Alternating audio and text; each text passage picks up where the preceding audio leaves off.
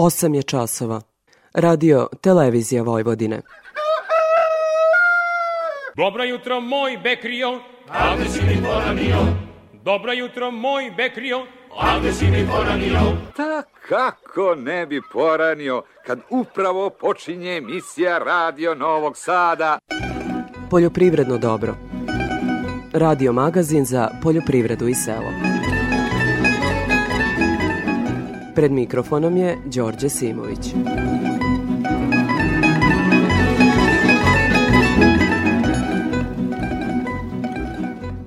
Poštovni slušalci, dobro jutro. Država donosi uredbu u poljoprivredi koja se odnosi na sledeću godinu. Da li se neko seća kada se to dogodilo u biljnoj proizvodnji i da li se dogodilo? Svi smo čuli da će po pre neki dan donetoj uredbi proizvodnja šećerne repe u sledećoj 2023. godini biti subvencionisana sa 35.000 dinara po hektaru – Činjenica je da je šećerna repa jedina biljna kultura koji se zna cena pre setve. Poslovni odnosi šećerana i proizvođača se mogu oceniti kao korektni. Proizvođači pre sezone mogu da računaju na potrebni repromaterijal. Više ratara koji proizvode repu pozitivno su ocenili uredbu, ali su to više nezvanični razgovori pošto situacija još nije najjasnija. Međutim, repu nije lako proizvesti – Ta kultura se na parcelu vraća svake pete godine pošto značajno iscrpljuje zemljište. Naravno, seje se i češće na državnom poljoprednom zemljištu koje se nemilice raubuje. Nekada smo pod repom imali do 100.000 hektara, a sada smo spali na četvrtinu tih površina. Pošto je repromaterijal poskupeo, subvencija će pokriti samo deo paprenih troškova – Kada je o uredbi reč, ono što bi trebalo znati je da će na novac moći da računaju nosioci komercijalnog poljoprednog gazdinstva koji su upisani u registar ako se nalaze u aktivnom statusu sa prijavljenom površinom pod ovom kulturom.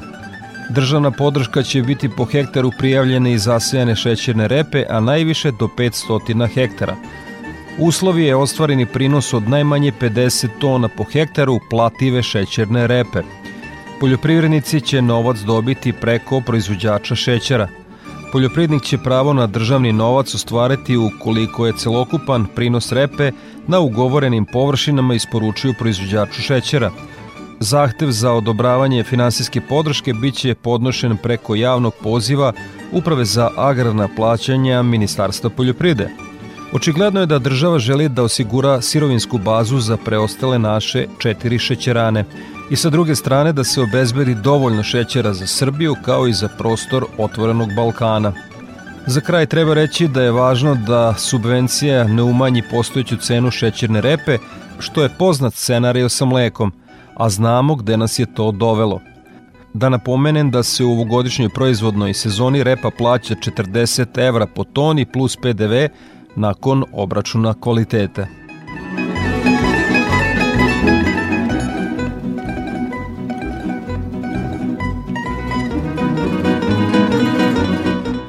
vlada Srbije produžila je zabranu izvoza mleka i proizvoda od mleka do 30. novembra, a izuzetak je izvoz u Severnu Makedoniju i Albaniju. U službenom glasniku je objavljeno da se zabrana izvoza odnosi na više vrsta mleka kao i maslac u ambalaži preko jednog kilograma. Zabrana izvoza mleka i proizvoda od mleka uvedena je početkom septembra u cilju sprečavanja nestašice ovih proizvoda na našem tržištu.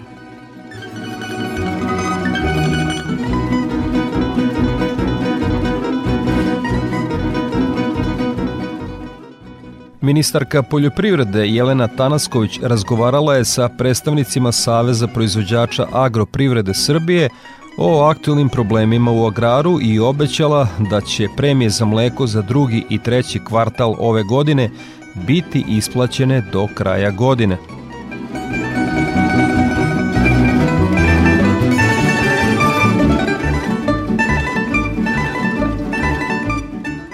U neformalnoj prestonici Šargrepe Begeču u toku je vađenje ovog povrća, a o dinamici tog posla u temi emisije govori direktor zadruge Begečki povrtari Goran Zec. Konstatuje da se cena šargarepe nije menjala od prošle godine, pa će samo prvoklasni plodovi moći da pokriju troškove proizvodnje. Mi smo jedan od redkih proizvoda koji e, ne samo u poljoprivredi nego uopšteno koji je ostao na nivou možemo reći prošle godine, a cene inputa su skočile više struko i 300%.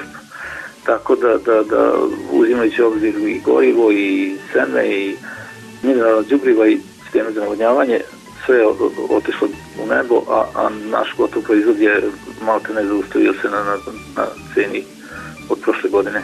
Uz redovne rubrike u emisiji ćete biti informisani o aktualnim radovima u voćnjaku i vinogradu, Predstavit ćemo vam neka od izdanja posvećena poljoprivredi na nedavno završenom sajmu knjiga.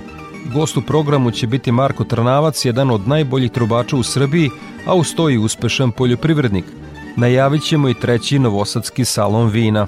Vaše sugestije svakako su dobrodošle, pa vas pozivam da nam pišete na e-mail adresu dobro.rtv.rs ili da nam svoje komentare ostavite na društvenoj mreži Facebook u grupi Poljoprivredno dobro. Toliko uvodu, slušamo pesmu Aj Lili Lili, pače moje malo. Aj Lili Lili, pače moje malo, aj Lili Lili,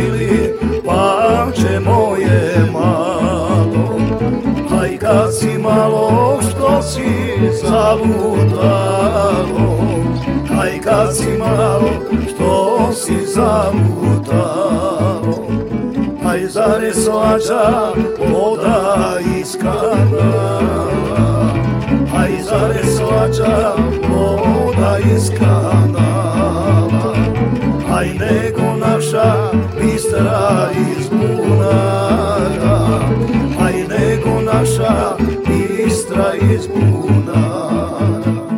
Ej, diko moja, i jesi li nisi, aj diko moja, i jesi li aj oženi se da čiji si, aj oženi se da vidim čiji si. Il me ženi, me se okani, il me ženi, il me se okani, il me mladu i ugro sahrani, il me mladu i ugro sahrani. Poljoprivredno dobro. Radio Novi Sad.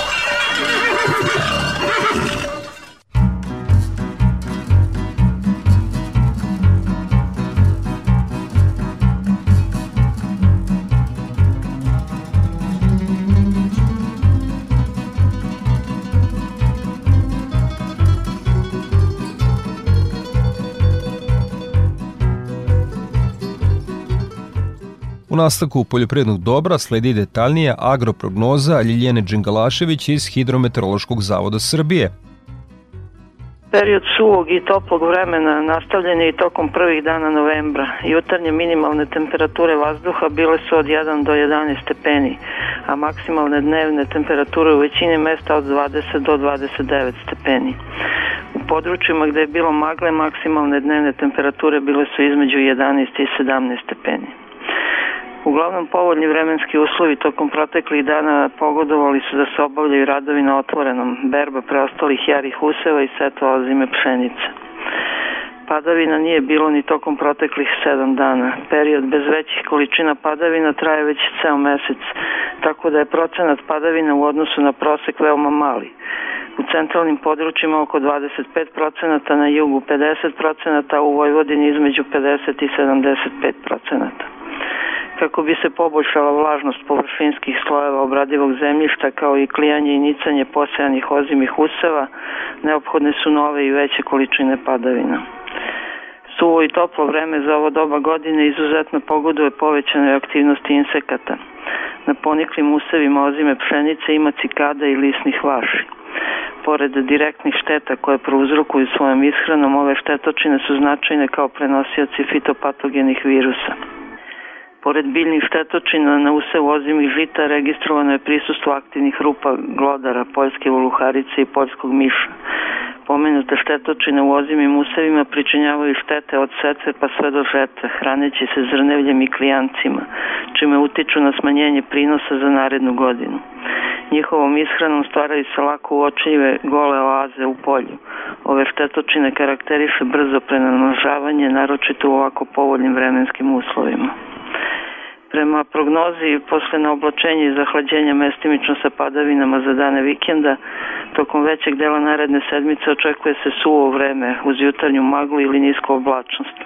Temperature vazduha će biti oko ili nešto iznad višegodišnjeg proseka. Tokom dana, naročito sredinom nedelje, bit će dužih sunčanih perioda. Krajem sledeće sedmice prognozira se novo na oblačenje ponegde sa slabim padavinama. Za radio Novi Sad iz Republičkog hidrometeorološkog zavoda Ljiljana Đingalašević. Aktuelni radovi.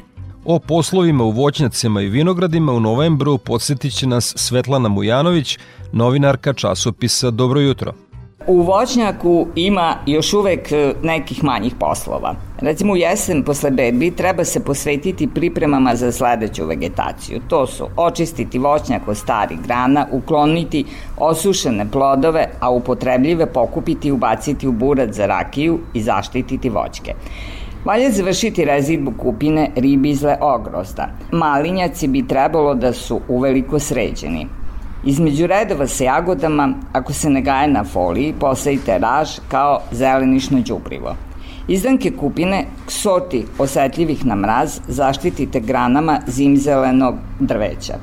Jesenje plavo prskanje fungicidima na bazi bakra prije svim voćkama, a posebno koštičavim i ono ne bi smelo da izostane. Trebalo bi da se nađe vremena i da se debla, naročito mladih koštičavih voćaka, okreće. Kada se završe svi ovi poslovi voćari koji su pripremili jamiće, treba da nastave sa sadnjom novih voćaka.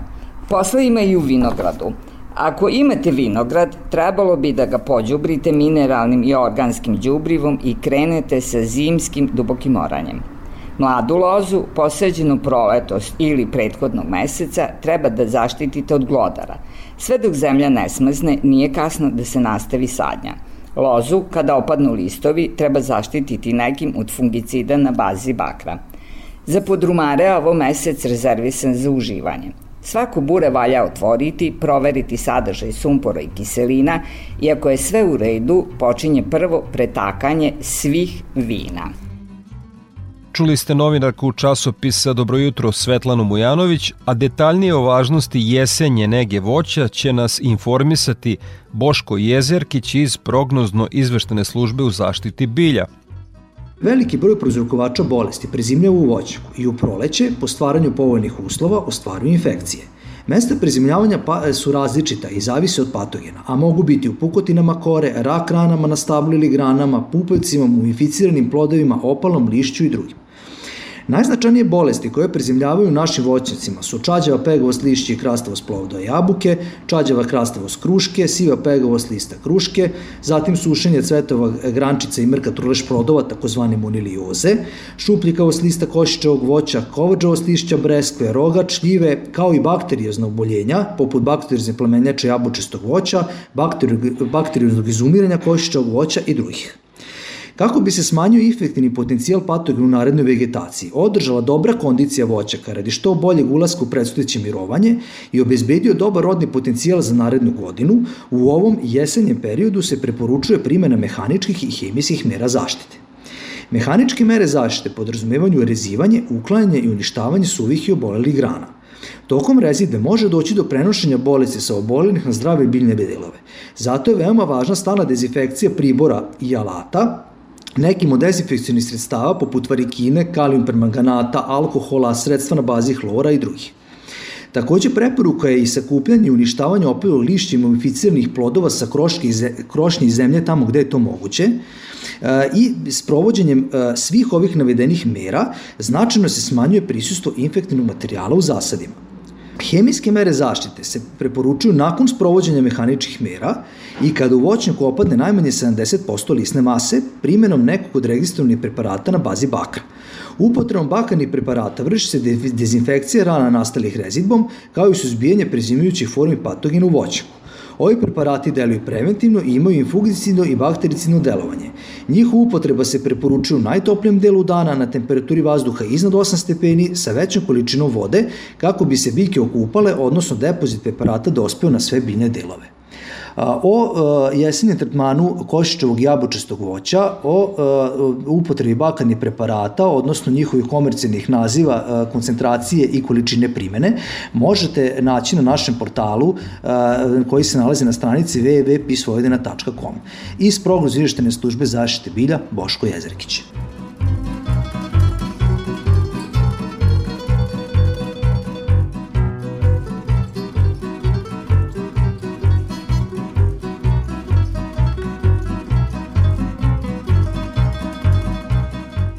O prometu žitarica na produktnoj berzi više Anje Jakšić. I dok su na stranim tržištima cene žitarica oscilirale zbog povlačenja Rusije iz dogovora o koridoru hrane, sredinom nedelje vraćanjem Rusije sporazumu o ukrajinskom žitu dolazi do osetnog pada cena na stranim berzama. Na svetskim tržištima i dalje su glavni pokretači, pored geopolitičke situacije, vremenske prilike. Na domaćem tržištu ove nedelje beleži se manji obim trgovanja u odnosu na prethodni period. Početak nedelje na tržištu kukuruza doneo je veću aktivnost i ponudu. Međutim, od sredine nedelje dolazi do smirivanja tržišta i do silaznog cenovnog trenda. Veštački sušenim kukuruzom se trgovalo od 35 dinara 10 para do 36 dinara po kilogramu bez PDV-a u zavisnosti od analize na aflatoksin. I dalje je prisutna veća ponuda kukuruza sa povišenim vlagom do 16%, kojim se trgovalo po ceni od 34 dinara po kilogramu bez PDV-a.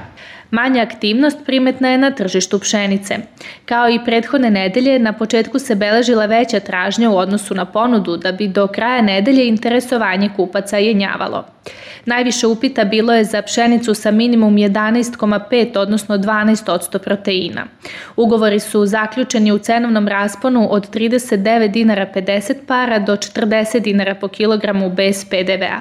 Krajem nedelje pšenica izostaje iz trgovanja na produktnoj berzi. Na tržištu soje prisutna je veća ponuda starog roda koja je dovela do realizacije ugovora u cenovnom rasponu od 80 dinara do 80 dinara 50 para po kilogramu bez PDV-a uz obračun kvaliteta.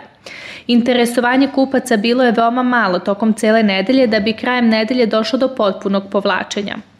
Novi rod soje izostaje iz trgovanja, a ponude su bile na nižem cenovnom nivou od 76 do 77 dinara po kilogramu bez PDV-a uz obračun kvaliteta. Od ostalih roba trgovalo se stočnim ječmom po ceni od 34 dinara 60 para po kilogramu bez PDV-a. Ugovor za suncokret zaključen je po ceni od 67 dinara 50 para po kilogramu bez PDV-a na paritetu Franku utovareno, dok je na paritetu Luke ugovor zaključen po 68 dinara po kilogramu bez PDV-a. Ugovor za đubrivo NPK 316 Franko isporučeno kupcu zaključen je po ceni od 97 dinara 19 para po kilogramu bez PDV-a. Sa produktne berze Anja Jakšić. Nakon izveštaja sa produktne berze, Gordane Jeličić iz Infotim Logistike obavestit će nas o trendovima na tržištu stoke. Sve cene su bez uračunatog poreza na dodatu vrednost. U toku ove nedelje naši saradnici su tovne svinje sa farme oglašavali po ceni od 210 do 240 dinara po kilogramu, tovljenike sa mini farme po ceni od 203 do 240 dinara po kilogramu, a tovljenike iz otkupa po ceni od 190 do 210 dinara po kilogramu. Tokom cele nedelje beležili smo dogovore za tovljenike sa farme na cenu 210 dinara po kilogramu, da bi tek na samom kraju nedelje ta cena bila i na 240 dinara po kilogramu. Najava je kupaca da će tovljenike sa farme plaćati i za iduću nedelju na višem nivou cena. Ponuda jagnjadi oglašena je po ceni od 320 do 350 dinara po kilogramu, a ovce za klanje su nuđene po ceni od 155 do 160 dinara po kilogramu. Slaba je operativnost robe na terenu, pa ponuđači pokušavaju sa jačim cenama u oglasima kad su jagnjad u pitanju u oči praznika koji nam dolaze. U toku nedelje prasaca farme su se oglašavale po ceni od 320 do 400 dinara po kilogramu, Prasad sa mini farme pocenio 360 do 370 dinara po kilogramu, a prasad iz otkupa pocenio 315 do 350 dinara po kilogramu. Ovako širok raspon cena u oglasima je zbog toga što ponuđači pokušavaju da prasad oglašavaju na jače cene. Razlog tome je slaba operativnost robe na terenu. Ponude bikova Holstein oglašena je po ceni od 300 do 330 dinara po kilogramu, a bikova simentalaca po ceni od 326 do 360 dinara po kilogramu. Pregovori se završavaju na nižim nivoima od oglašenih cena. Cene su izražene bez PDV-a. Za Radio Novi Sad, Gordana Jeličić iz Infotim Logistike. Slušamo Zvonka Bogdana i pesmu Na kraj sela kuća mala, pa u temi emisije analiziramo kakva je bila godina za proizvođače šargarepe. Na kraj sedla kuća mala, violina tiho svira, Mladi primaš svake noći njene mirne snove dira. Mladi primaš svake noći njene mirne snove dira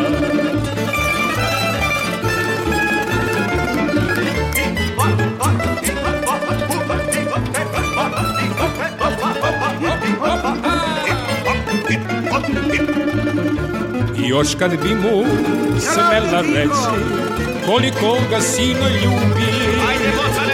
Ali niko ne sme znati da zbog njega snove gubi. Ali niko ne sme znati da zbog njega snove gubi. Tema emisije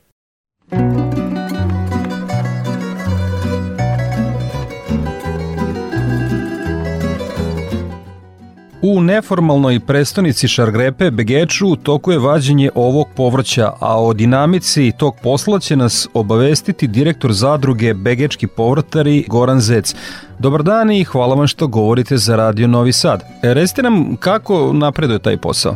Šargrepa za lager sada od oktobra meseca se vadi i e, lagere se u hladnjače za preradu tokom cele zime i proleća, znači do, do narednog roda, odnosno do juna meseca. Dakle, ovo reći o vađenju šargrepe iz kasnije setve. Tako je, tako je. To, ova šargrepa trenutno se vadi i upravo sad se vratili sa terena, to je ovaj to je setva u toku jula meseca. To je kasna šargrepa koja se ovaj koja je naravno i zaštitije poreklo zaštićeno ovaj, i koja se vadi i lagare i po potrebi pakuje, pere i pakuje i plasira na tržište. Imali smo sušnu godinu za nama, suši dalje traje, povrće zahteva e, puno vode. Koji su sve još izazovi bili ovogodišnjoj proizvodnji? Tako je, ovo je godina, mogu reći slobodno, nezapamćena, isto se tiče ovaj, klimatskih promena i što se tiče ekonomskih uslova, odnosno ovaj, na tržištu, odnosno naših inputa, a to je ovaj, pre svega mineralna đubriva i, i ostali lep, repromaterijali, znači ovaj, sistemi za navodnjavanje, kap po kap i ovaj, pesticidi i sve ostalo. Kakav je kvalitet uh, ovaj, šargrepe? Kvalitet je uh, ove kasne je naravno standardan i, i dobar kvalitet, međutim ova letnja, kažem kao što sam pomenuo, zbog ekstremnih ovaj, klimatskih uslova bio dosta loši i da su i umanjeni dosta pa i do 50% umanjeni prinosi ovaj, su pratili ovu, ovu godinu i kvalitet naravno zbog tih temperatura ekstremnih koje su išle i preko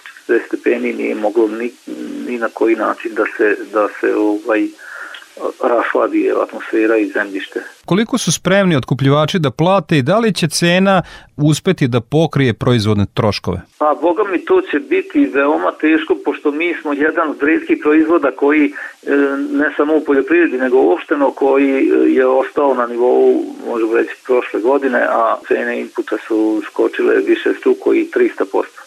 Tako da, da, da uzimajući obzir i gorivo i seme i mineralna džubriva i sistema za navodnjavanje, sve je otišlo u nebo, a, a naš gotov proizvod je malte ne zaustavio se na, na, na ceni od prošle godine. Dakle, da budemo konkretni, proizvodi troškovi su toliko, a cena je tolika. Mogu reći da je cena šagarepe ovaj, koliko je ovo, da, da nabrajam, ne bi nabrajali do sutra ovaj, koliko su ostali repromaterijali koja je cena, pa ide i do, recimo za mine ljubi, ide i do ovaj, preko 1200 evra po toni, a bilo je 350, pa to je 300%. A ovaj, recimo gotov proizvod je ovaj, sada trenutno 35-40, a, a, a ovaj, toliko je bilo i prošle godine. Pa do 50 je na, naj, ovaj, u momentima kad je najveća cena ostvarena, to je 50 dinara, ali ovaj, ali kažem više struku su otišli troškovi e, proizvodnje. Begečka šargrepa je dobila oznaku geografskog porekla 2017. Samo oni koji e, sertifikuju proizvodnju, dakle koji proizvode pod kontrolom sertifikacijonih kuća mogu da stave markicu. Koliko je uopšte proizvodnje, e, da kažem u procentima ove godine sertifikovana i koji su benefiti tog postupka za proizvođača u odnosu na onu nesertifikovanu proizvodnju? Negde se ovaj, godina u godinu sertifikuje se negde ovaj, od 150 do, do 200 hektara, a mi imamo i ne, ili nešto, ili recimo pre neku godinu je bilo i 250, znači to nije ni 50%, znači od, od 30 do, do, do 40% ovaj, se, se sertifikuje, a od ukupne proizvodnje, a ostalo je nesertifikovano. Međutim, ovaj, moram priznati da mi u stvari ne označavamo ovaj, šugarepu koja je zaštićeno geografsko poreklo. Nego se smatra da je uglavnom to zaštićeno geografsko poreklo i ne postižemo neku ovaj veću cenu za sada to nije e, ovaj nije valorizovano kroz cenu.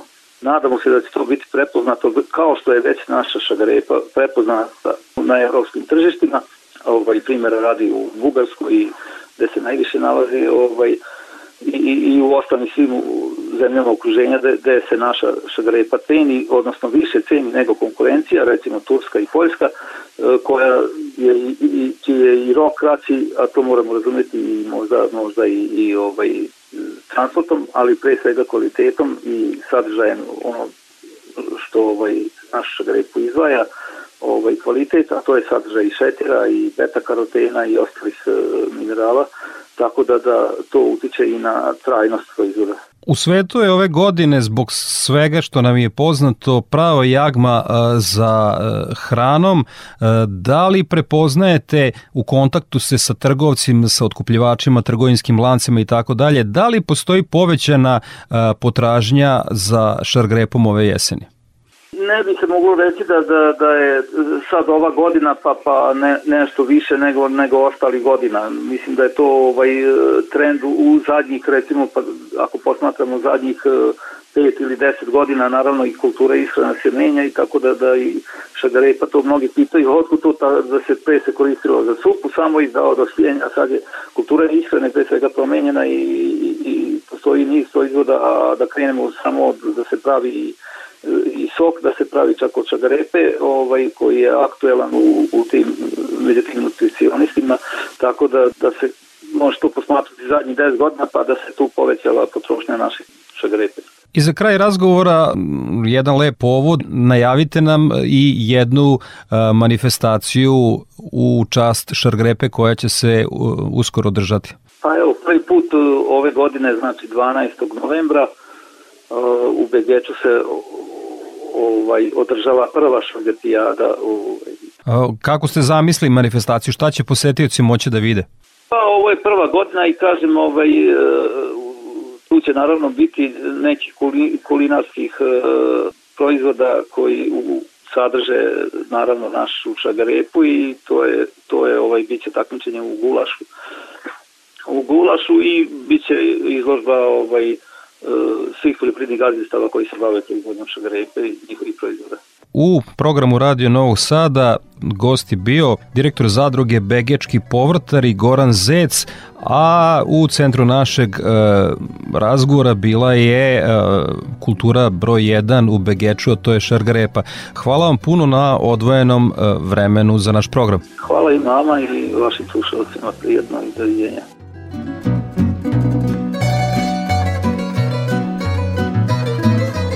Toliko u temi emisije u kojoj je gost bio direktor zadruge Begečki povratari Goran Zec. Slušamo Cigane Ivanovića i pesmu Žulik, pa u nastavku poljoprivrednog dobra govorimo o nekoliko agranih izdanja predstavljenih na nedavno završenom sajmu knjiga u Beogradu. Žulik buđet, varavac, a ja budu prodavac, mama, ja žulika ljublju. Žulik buđet, varavac, a ja budu prodavac, mama, ja žulika ljublju. Je blatnije tam ja, vse blati vdolj moja mama, ja žulika ljublju. Žulik bude tvaravac, a ja budu prodavac, mama, ja žulika ljublju. Njemci hođe čulik spit, a moje srce tak balit, mama, ja žulika ljublju.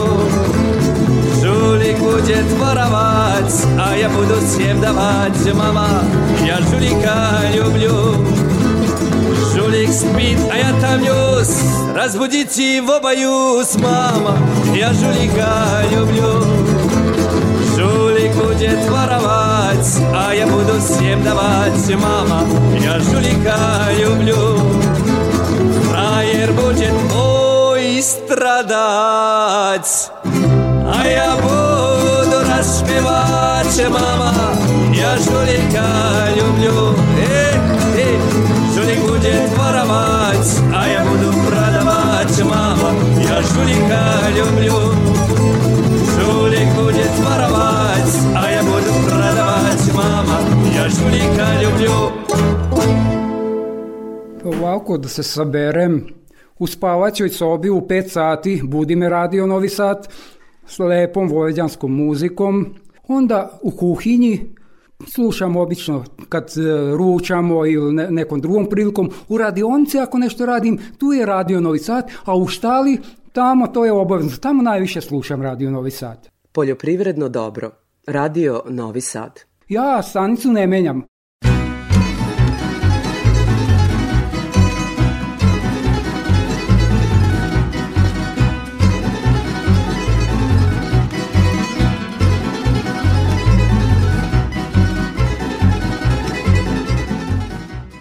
Na Beogradskom sajmu knjiga dominirala je beletristika i istorijska štiva, obrazovna literatura, ali su se provukla izdanja namenjena agraru. Nekoliko od njih ćemo vam predstaviti u današnjem poljoprivrednom dobru. Veroljub Umeljić iz Kragujevca je profesionalni pčelar, ali i pisac brojnih knjiga o pčelarstvu. Najvažnija mi je knjiga, po, po meni najvažnija, pčelarstvo od početka do profesionalca. Ona je već doživala peto izdanje, do sad je prodato 13.000 primjeraka. Ona je obiman 936 stranica. Na drugom mjestu su mu i Benomstog bilja, to je dvotomno izdanje. Također veoma obimne knjige po 700 i nešto stranica ima jedna. Dalje imam enciklopediju pčelarstva, to je prva srpska i jugoslovenska, prva jugoslovenska enciklopedija pčelarstva. Onda imam u mom jubileju, pre pet godina sam napunio 50 godina samostalnog pčelarenja, pa sam izdao knjigu sa pčelama 50 godina, interesantna knjiga jedna. I imam dva romana, znači dva beletristička dela. Prvi roman je roman o pčelaru, a drugi deo je pčelareva sudbina. Ko su čitaoci uh, vaših knjiga i da li recimo neko ko je apsolutni početnik uh, u pčelarstvu i iz uh, vaših knjiga može teoretski da se potkoje da krene u tu aktivnost? Kako da ne, ova knjiga opet ću pomenuti pčelarstvo koja ima pod naslov od početnika do profesionalca. U njoj piše bukvalno sve od kad ja kažem malo po znaku navoda od kad sanjamo da postanemo pčelar. Koji tip hoćete da odaberemo? Sa koliko društva da počnemo da pčelarimo? Kako da vrati meso za pčelinje, za smeštaj? Kada nabaviti prve rojeve? Pa onda kako prvi pregled izvršiti, pa drugi, pa dalje, tako dalje, tako dalje, do i uvek idemo od, u knjizi tako koncipirano od najjednostavnijih rešenja se tiče i opreme i svega, pa postepeno kasno ženim na kraju do vrhunskih rešenja, znači knjiga i za profesionalce, ne samo za totalne početnike. Ali sa tom knjigom mnogi, svi koji dođu, ima što za početnike, evo, izvolite, svi su zadovoljni, svi mi se javili, Bog zna kako su zadovoljni, ne ispuštaju iz ruku, mislim, ona, a, knjige su, sve moje knjiga i ta, pogotovo je postala, veoma bogato ilustrana, a, što opet ću istaći, hiljadu i nešto fotografija imam, hiljadu i pesto, kako vešem. Ja sam autor svih fotografija. I sve fotografije su prvi put objavljene u toj knjizi. Moje, ali prvi put, znači nije da sam ja ne objavljivo pa prenosio i tako dalje, nego su sveže, nove fotografije neviđene, jer u nekim knjigama se prenose fotografije iz drugih knjiga od ranije, šta znam. E, ovdje su sve fotografije originalne, moje, svi crteži su originalni moji i to je izuzetno kvalitetno urađeni crteži, autentični crteži, ovaj, tabele i tako dalje, tako da je to knjiga koja je stvarno izuzetna. Štand Dobro jutro imao je najpotpuniju ponudu knjiga iz poljoprivrede. Izdanje je predstavila novinarka Snežana Mušikić.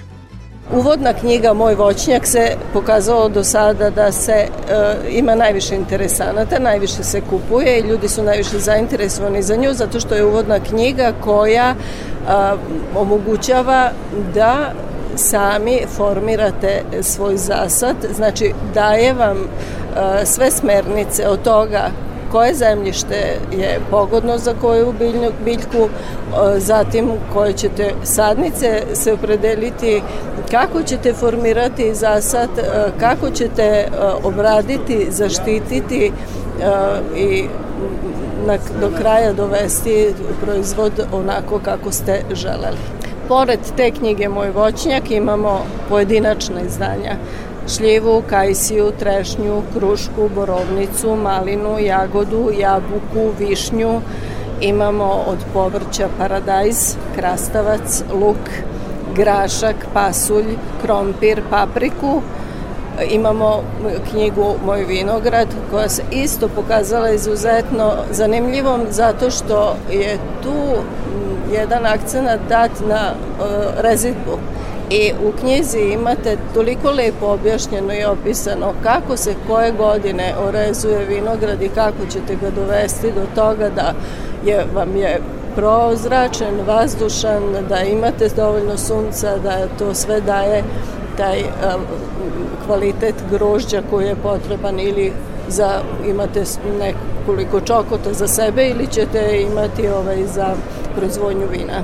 Sledeće koje, šta bismo vam preporučili, to je knjiga Stojela Srbije, koja je e, nastala od naše ideje da od čitalaca revije Dobro jutro sakupimo autentične recepte iz onih predela u kojima naši pretplatnici žive. Tako da su to jela tradicionalna, stara, da se ne zaborave od severa do juga i istoka do zapada Srbije. Taj uh, naš poduhvat je potpuno uspeo i ljudi su oduševljeni da na jednom mestu mogu da pročitaju i da pronađu, ne da traže na internetu, nego na jednom mestu da pronađu i e, pošalju najviše kao poklon, nažalost, našima koji su otišli u inostranstvo, da se ne zaboravi Ćirilica i da se ne zaboravi mirisi detinstva i na ono jela na kojima smo mi odrastali.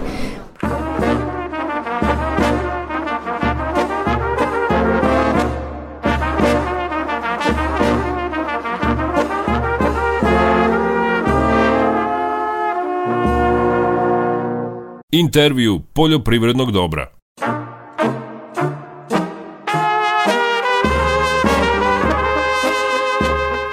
Radio Novi Sad ima tu čast i privilegiju da je na slavi svetog proslavi apostola i evanđelista svetog Luka u selu Mršelji Požeškoj opštini Podnodivčibara, a ugostio nas je jedan od najboljih srpskih e, trubača, Marko Trnavac. Dobar dan, domaćine i srećna slava.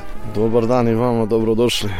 A, za slušalce Radio Novog Sada, malo nam predstavite, pošto ovo ipak radio, nije televizija, nema slike, kako se danas u ovom podmaljenskom selu uh, proslavlja ova slava? Pa evo da kažem, tradicionalno svakako kao i svake godine ovaj, ide se svakako kolač u crkvu, inače slavimo tri dana i u suštini imamo oko 100 gostiju, da kažem, u ta tri dana.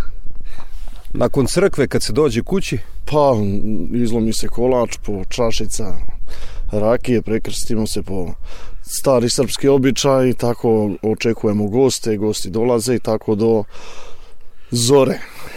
Tradicionalno ova, ove godine slava je bila e, mrsna, da li kada pada sredom i petkom normalno se slavi kao posna? Naravno, naravno, uvek, uvek ovaj, kad sreda petak onda bude posna slava, ove godine je bila mrsna, tako da Biće lepo. Gostiju je bilo već ovaj 50 oko 50 gostiju u prvom danu, tako da već očekujemo za ova dva dana još te 50 gostiju da se vratimo na muzičku karijeru, pa onda da e, porazgovaramo o životu sela.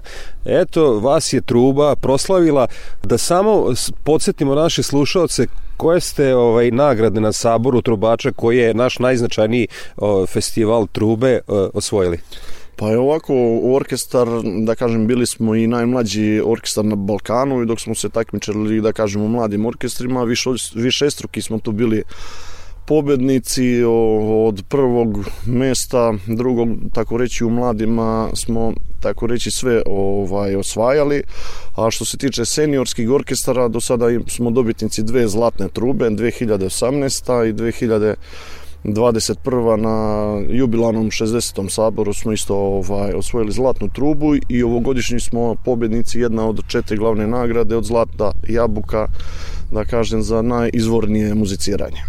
I koliko to znači u vašem eksternom uh, angažmanu po slavljima, svadbama i ostalim uh, događajima sve te nagrade koje se napišu na bubanj?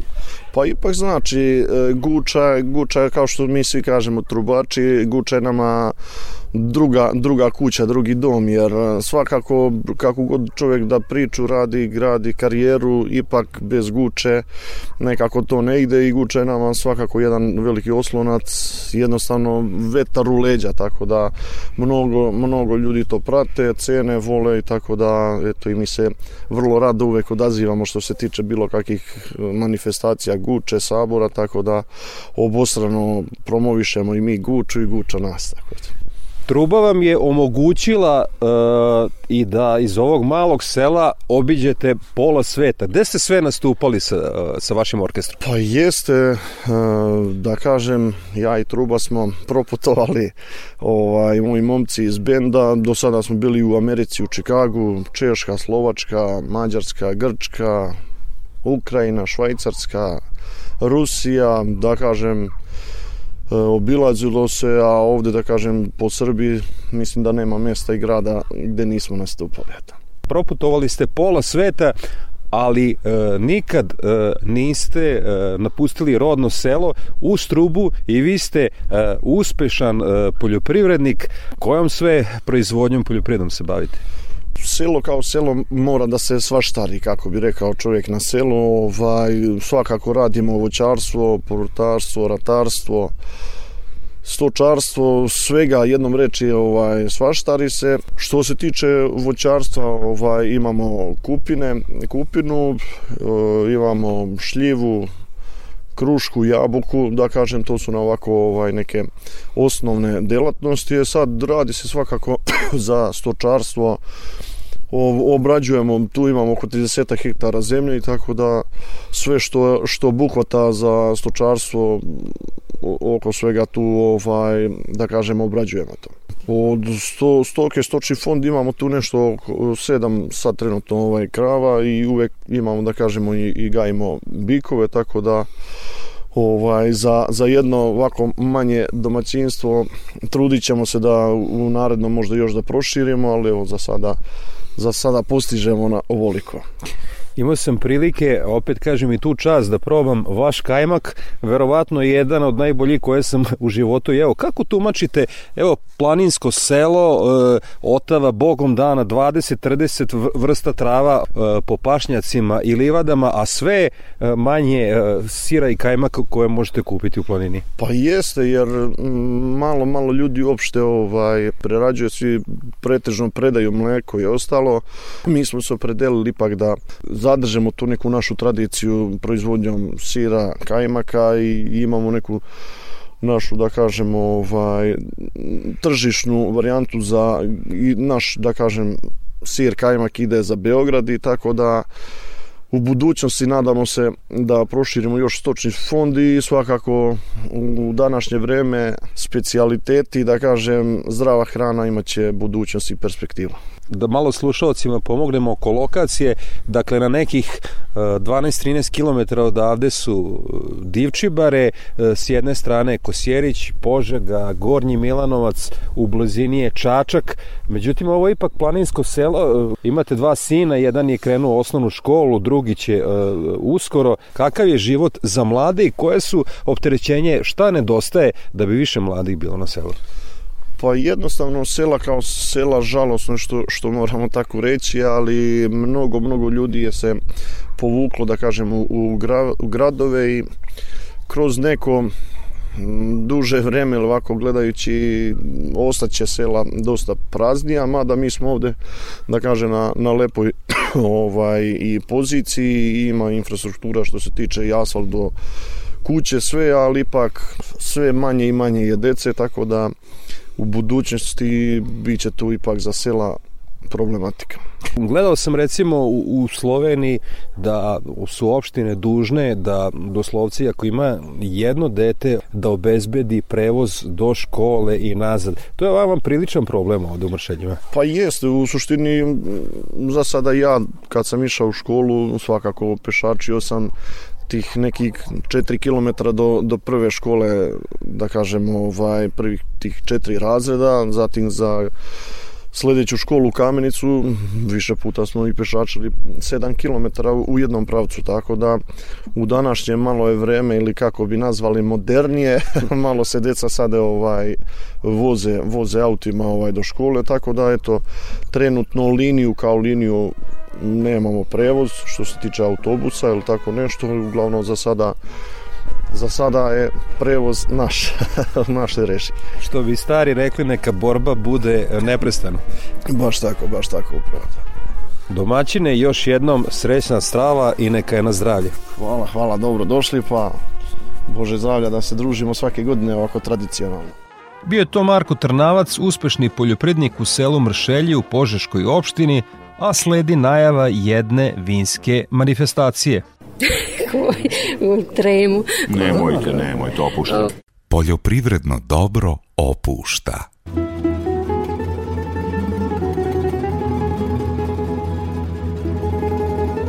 Posle dvogodišnje pauze uzrokovane pandemijom, treći novosadski salon vina biće održan u petak i subotu 11. i 12. novembra sada već na tradicionalnom odredištu Novosadskom hotelu Park. Tim povodom gost u programu Radio Novog Sada je Igor Luković, jedan od organizatora salona i urednik časopisa Vino i Fina. E, hvala vam puno što govorite za Radio Novi Sad. Hvala vama. Šta posetioce manifestacija je koja po mom mišljenju do sada nije imala ni najmanji propust, dakle pet sa zvezdicom, ove godine očekuje u petak i subotu? Posetioce zapravo očekuje ono na što su već navikli, pa samo malo bolje nego što je bilo i ranije. A, to je nekih 70-ak vinarija koje će u velikoj bal sali hotela Park prikazati svoja vina i tu je zaista probrano onako krem de la krem, pošto vinarija na Novosadski salon dolazi isključivo po pozivu, mi biramo ono što mislimo da je trenutno najaktuelnije, biramo vinarije koje mislimo da imaju trenutno najviše, da pokažu, to ne znači da su druge lošije, ali ovaj nekako pokušavamo da modeliramo da modeliramo šta će to posetioci posetioci da probaju. Tu je najviše vinarija iz Srbije, imamo gosti iz regiona, naravno probleme makedonske, hrvatske vinarije, isto tako malo Italije, malo Francuske, kao što je bilo ponovo i ranih godina. Biće tu puno premijera, novih berbi, vina koja ranije nisu izlazila na tržište, nego se sada prikazuju pred publikom prvi put. Uh, a u sve to tu je i program radionica koji će se održavati u ovoj banket sali i oba dana po ceo dan imamo po nekoliko radionica doslovno jedno za drugom gde će se probati vertikale, neke arhivske berbe, ponovo predstaviti neka vina koja nije tako lako probati, do kojih nije tako lako doći. Imamo goste iz Hrvatske, iz Bugarske, iz Slovenije, iz Mađarske koji će držati, koji će držati te radionice i u sve to tu nas prati i kompanija Corp koja će organizovati food court sa finim probavnim zalogajima na samom ulazu u Salomina. Novosađani kao da su sa nestrpljenjem godinama, decenijama čekali jedan ovaj ovakav salon koji je naprosto drugačiji od drugih manifestacija kao što su recimo festival vina, Interfest i tako dalje. Dakle, na, na prvu loptu od, od, od prvog salona uh, bila je probrana publika, svi su izašli oduševljeni. Koliko je uopšte jedan ovako prestužni uh, salon teško organizovati? Dakle, uh, dovesti sve vinare, dovesti vinski konobare, obezbediti ogromnu količinu čaša, leda, da to sve bude na, slobodno mogu reći, vrhunskom nivou? Pa to jeste poprilično izazovno. Imamo sad već sreću da smo se uhodali sa hotelom Parka. Oni otprilike znaju šta mogu da očekuju od nas, šta mi možemo da očekujemo od njih. Imamo ljude sa kojima stalno radimo i na svu sreću imamo udruženje sommelijera Vojvodine koje nam obezbeđuje ovaj, dobar deo osoblja i ljudstva koje je obučeno zapravo za takve situacije i da, kada se sve to stavi na gomilu, te brojke mogu da izgledaju zaista impresivno. Recimo, imaćemo u pogonu oko 5000 čaša da bismo mogli da u isto vreme čašama servisiramo i posetioce u bal sali, isto tako one koje posećuju radionice, jer tu samo jedan posetilac ispred sebe ima 5, 6 do 10 čaša u zavisnosti od toga kakva je radionica, pa pomnožite to sa 50 i vidite da samo po jednoj radionici potrošimo preko 500, preko 500 čaša. O, I to su, to su zaista veliki brojevi, traži, traži ozbiljnu logistiku, ali kažem, već smo se uhodali, a što se tiče vinara i izlagača, oni su Salomina u Novom Sadu i prepoznali kao manifestaciju koja je važna za njih, pre svega zbog publike, jer zaista smo usmereni na onima koji zaista piju, troše vino, dakle na krajnje konzumenta, ali isto tako i na trgovce i na ugostitelje u Novom Sadu i ne samo u Novom Sadu nego i u, iz okolnih mesta i gradova koji tu dolaze u velikom broju upravo da bi se upoznali sa aktualnostima na sceni, probali vina na licu mesta, porazgovarali direktno sa vinarima i eventualno dalje dogovorili nekakav posao. Malo pre ste upotrebili jedan termin uh, koji nije uh, ovaj, svima poznat. Uh, molim vas da ga prokomentarišete. Upotrebili ste reč vertikala. O čemu se radi? Aha, vertikala je kada probamo isto vino iz različitih berbi koje idu jedna za drugom. Dakle, recimo imamo vertikalu između berbi 2010. i 2020. i onda sva dostupna vina iz te decenije ovaj, na jednoj degustaciji proba na jedno, za drugim čine takozvanu vertikalu, odnosno vertikalnu degustaciju. Horizontalna degustacija je kada recimo probamo istu verbu, ali e, različite vina iz recimo iste regije ili od iste sorte, ali kad ih probamo u istoj berbi. To se u žargonu kaže horizontala, a ovo drugo je vertikala.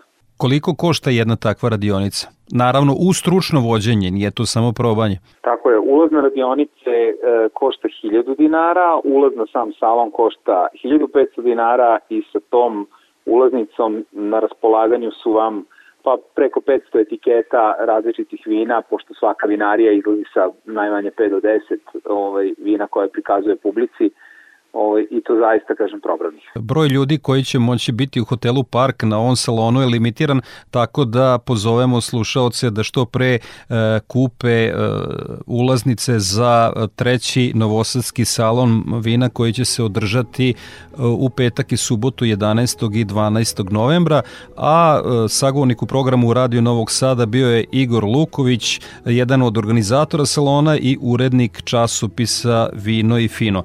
E, hvala vam još jednom na odvojenom vremenu za naš program. Hvala puno vama na pažnji.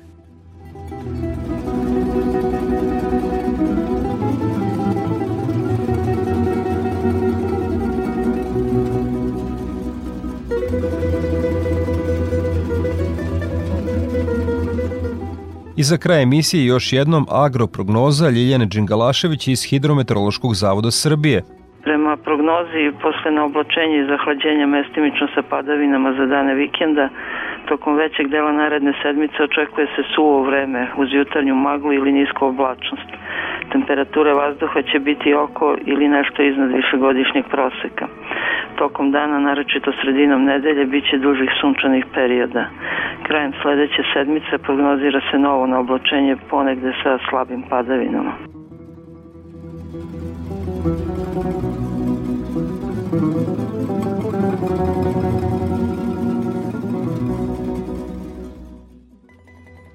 Toliko poštovani slušalci u ovom izdanju Poljoprivrednog dobra radio magazina za poljoprivredu i selo javne medijske ustanove Vojvodine.